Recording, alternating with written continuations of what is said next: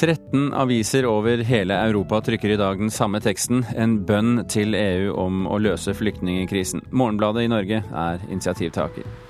Fribyer for forfulgte forfattere har et særlig ansvar i flyktningkrisen, mener Fribynettverk. Syrisk oversetter er på plass i Stavanger. Å få et kunstregister på bena, det er den klare beskjeden til regjeringen fra eh, samlet, en samlet kulturkomité på Stortinget, regjeringspartiene inkludert. Og for øvrig, filmen Wendy-effekten har fått eh, middels terningkast i dagens aviser. Vår filmanmelder derimot tenker som vanlig motstrøm, så er svært begeistret for den norske krim-humor-tøysefilmen. Og mer om det skal du få mot eh, slutten av sendingen. Du hører på Kulturnytt med Birger Kolsrud Jåsund i studio. 13 toneangivende europeiske aviser trykker i dag og i morgen en felles appell til EUs ledere.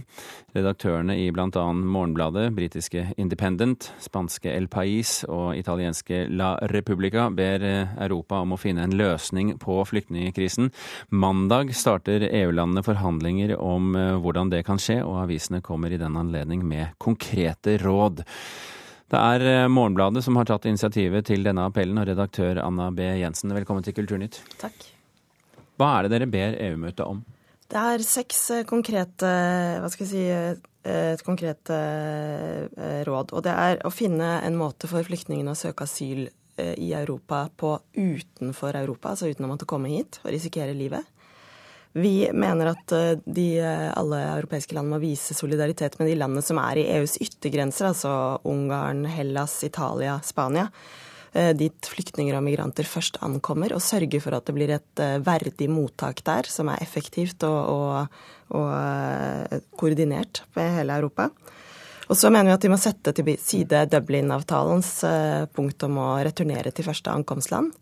Det er, det er, tre punkter til, vi skal ikke dra alle, for dette, dette kan jo også leses i uh, avisen. Men fortell meg, hvorfor, hvorfor, gjør dere dette?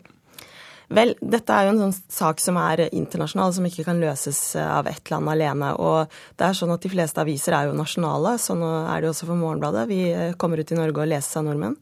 Men denne saken mener vi er så viktig, og at vi hadde lyst til å nå et større publikum. Og det viste seg at det var mange andre redaktører som også var enig med oss i. og Derfor så ble de med da vi spurte dem. Vi spurte dem faktisk, Det var vel forrige torsdag vi mm. begynte ringerunden. Så ja. Hvilke forventninger har du til at dere skal følge rådene deres?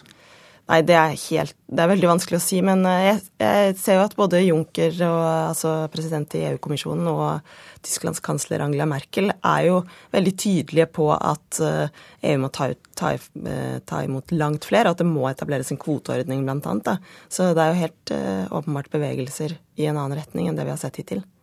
Hvem har skrevet teksten? Den har vi skrevet i fellesskap. Eh, i Morgenbladet.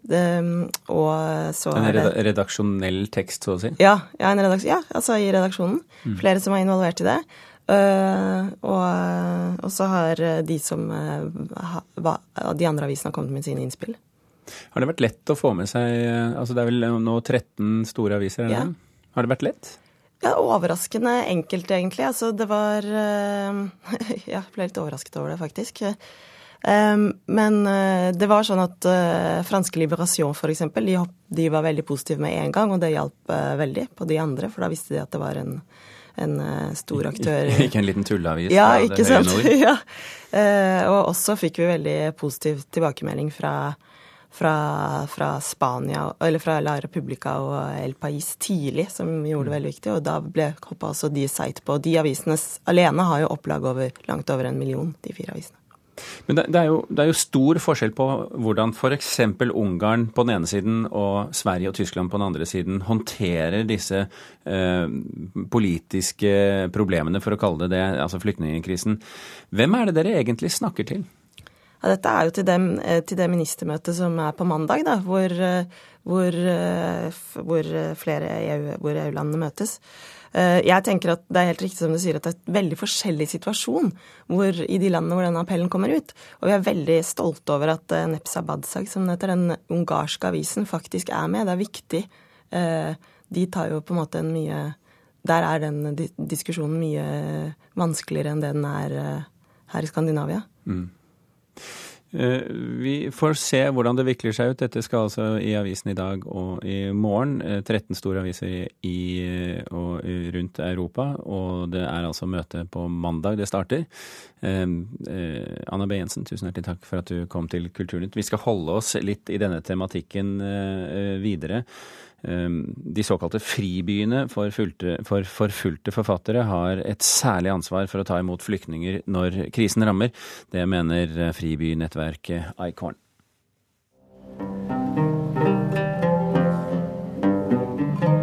It's a sad song. It speaks about farewell. Dette er en trist sang om farvel, sier Mohammad Habib og sikter til melodien sønnen Khaled spiller på od eller lutt for NRK. Even when Syrians try to make joy or to celebrate or to song nowadays, they, they sing sad songs. Det blir triste sanger nå om dagen, selv når noe skal feires, sier Habib.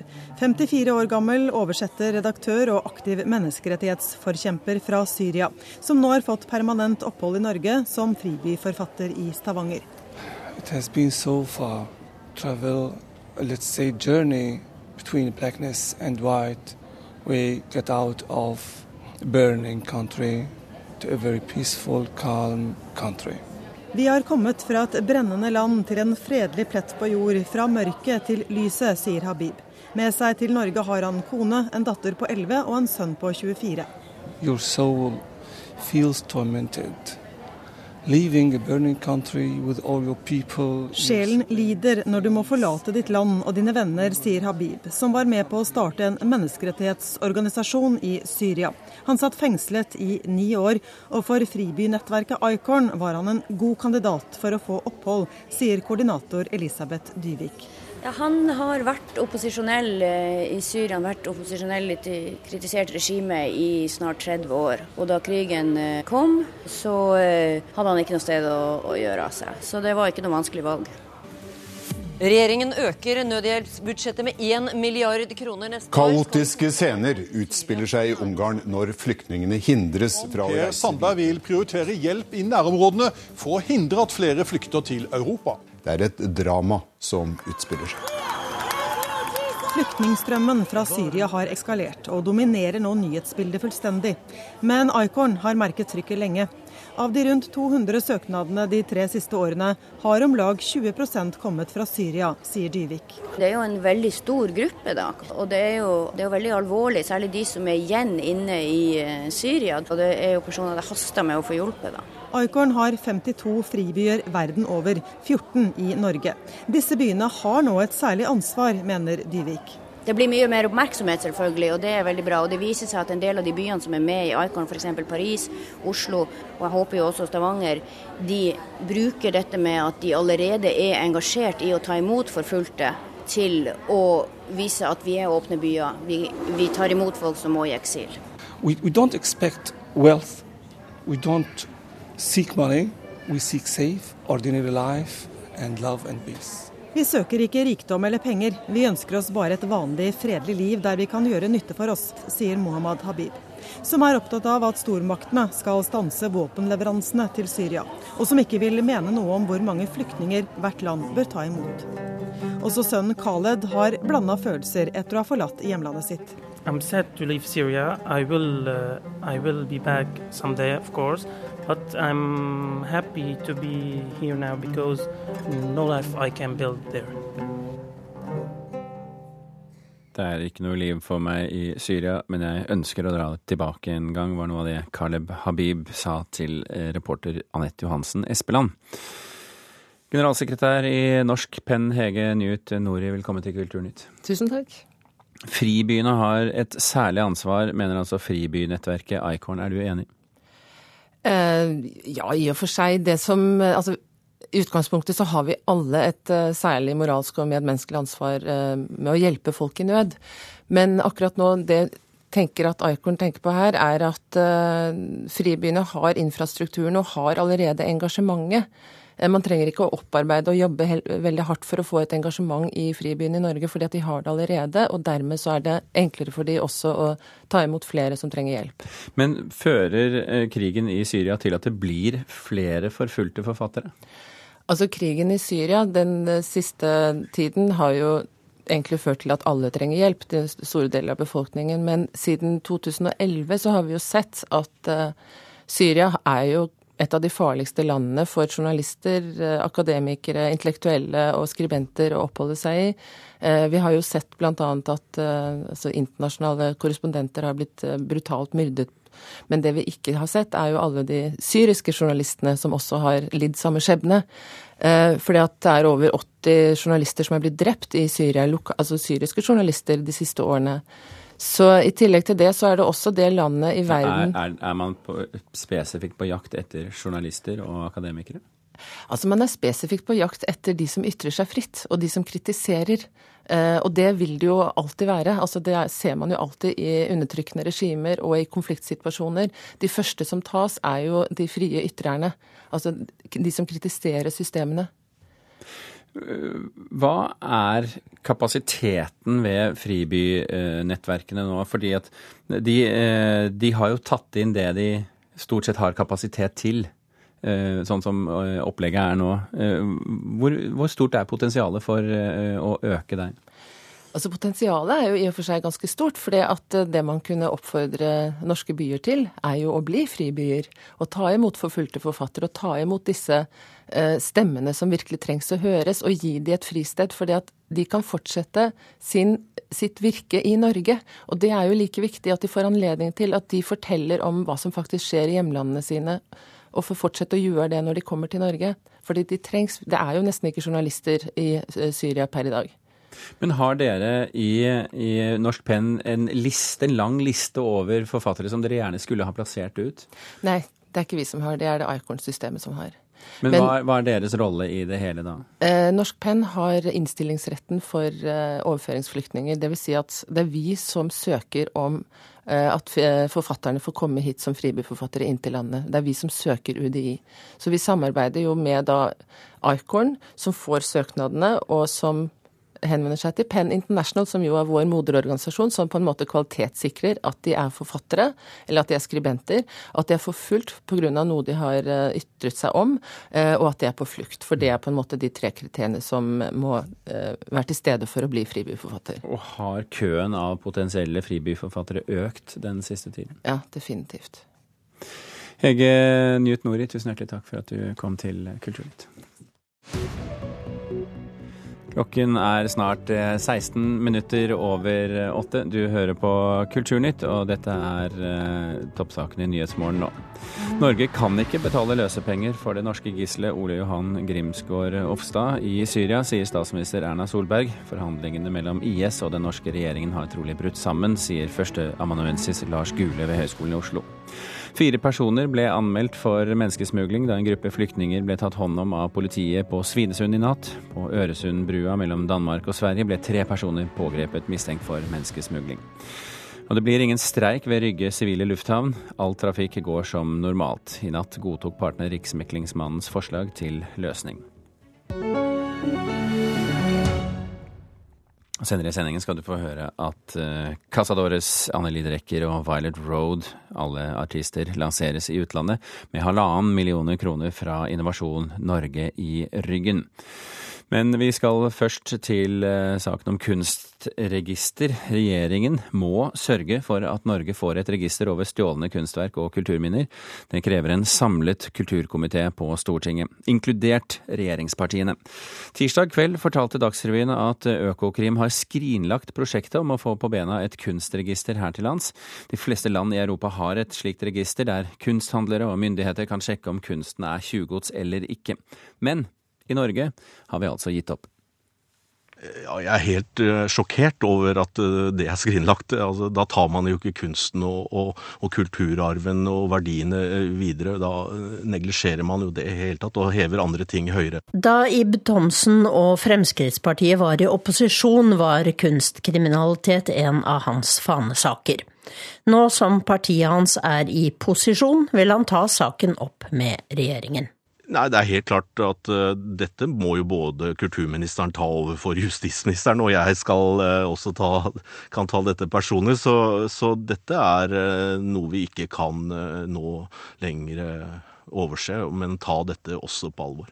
For det er såpass mye penger og verdier, og vi vet jo at dette er organisert også fra kriminelle. Også leder for kulturkomiteen på Stortinget, Høyres Svein Harberg, vil gå til sine egne for å be om at arbeidet med et slikt register blir gjenopptatt. Ja, jeg håper det ikke er skrinlagt på den måten at det ikke går an å gripe fatt i det igjen. Eh, fordi at det er ingen tvil om at vi trenger å få på plass et slikt register. Eh, et eh, oppegående kunstmarked som Norge vil være en del av må ha tillit, og da må en eh, bruke de hjelpemidlene vi kan. og Et sånt register er viktig i den sammenheng. Eh, og Jeg mener vi nå må sette oss ned og se hva gjorde at dette stoppet, og hva kan vi gjøre for å få det i gang igjen. Eh, og Jeg kommer til å ta kontakt overfor mitt departement, Kulturdepartementet, og for et samtale med politisk ledelse. Og så må vi kanskje bruke litt lengre tid. Arbeiderpartiets Anette Trettebergstuen var ute med sin reaksjon tidligere denne uken. Vi har ingen samla oversikt over eh, stjålet eh, kunst i Norge, og det er med på å gjøre oss til et mer attraktivt land for kunstkriminalitet. Kristelig Folkepartis representant i komiteen, Geir Jørgen Bekkevold, reagerer slik på at prosjektet er skrinlagt. Ja, Det er jeg veldig skuffet over. Så jeg utfordrer justisministeren på å jobbe knallhardt for å få dette til. For det kommer til å bli et viktig verktøy for politiet i kampen mot den type kriminalitet. Og Verken Justisdepartementet eller Politidirektoratet ønsket å la seg intervjue i denne saken. Direktoratet opplyser at et kunstregister kan bli en del av en ny handlingsplan, men ingen beslutning er foreløpig tatt. Reporter i denne saken var Tone Staude.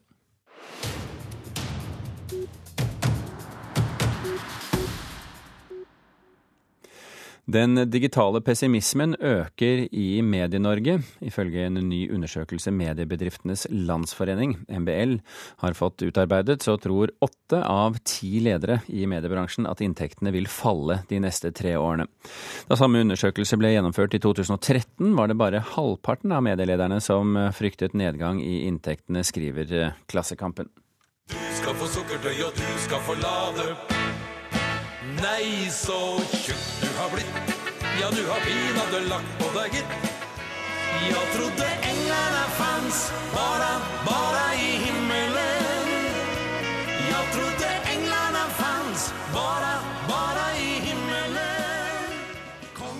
Dansebandet Ole Ivars setter strek etter 45 album. Låtskriver William Christoffersen sier til VG at de nå tjener så lite penger på å gi ut album at de ikke gidder å spille inn flere plater. Men turnébussen kommer de ikke til å parkere med det første. Under fjorårets jubileumsturné spilte de et trettitalls konserter i kulturhus rundt omkring i landet, og det satte fart på inntektene, ifølge den samme Christoffersen. Derfor lover han at Ole Ivars konserter i flere kulturhus, det blir det i årene fremover. Innovasjon Norge sørger for at flere Tromsø-artister kan lanseres i utlandet. Både Anneli Drecker, Casadores og Violet Road får nå støtte. Pengene går til både plateslipp og turnering i bl.a. Tyskland, Storbritannia og Danmark.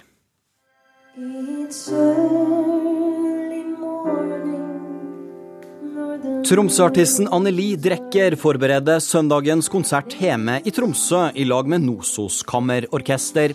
På programmet står musikk fra plata Rocks and Straws som Drecker ga ut i vår. Men snart tar hun plata utenlands. Drecker har nemlig fått en halv million kroner fra Innovasjon Norge til lansering i bl.a. Tyskland, USA og England. Jeg har lyst til å ta Rocks and Straws til utlandet fordi jeg føler at både musikken og teksten har, har potensial til å nå utover Norges grenser tekstene til Arvid Hansen er kjempesterke, og jeg ser ingenting i veien for det. er Hav og sjø og måse overalt. Men det er ikke bare Anneli Drecker av artister fra Tromsø som får penger fra Innovasjon Norge til utenlandslansering. Violet Road har allerede vært i Danmark for å vise seg fram, og planlegger det samme i Sverige.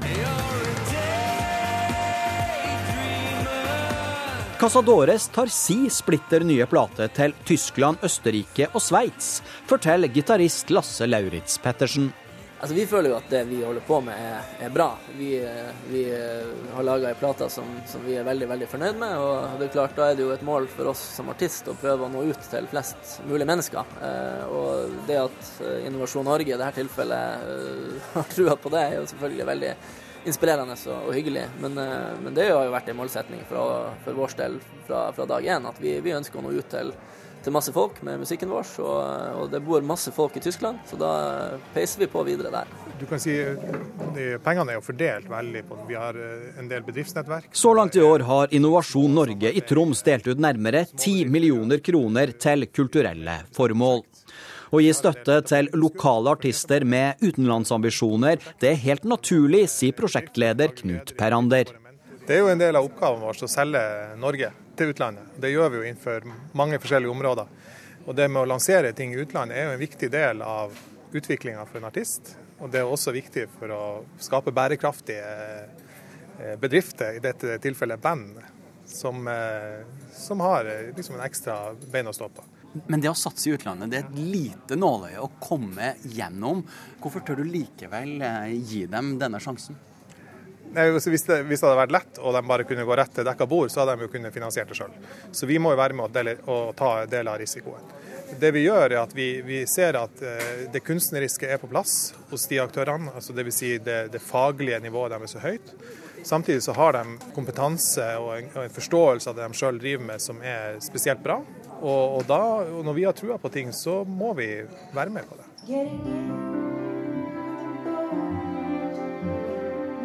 Snart går altså turen utenlands for både Violet Road, Casadores og Anneli Drecker, som totalt har fått halvannen millioner kroner i støtte fra Innovasjon Norge. Ei uvurderlig støtte, mener Drecker.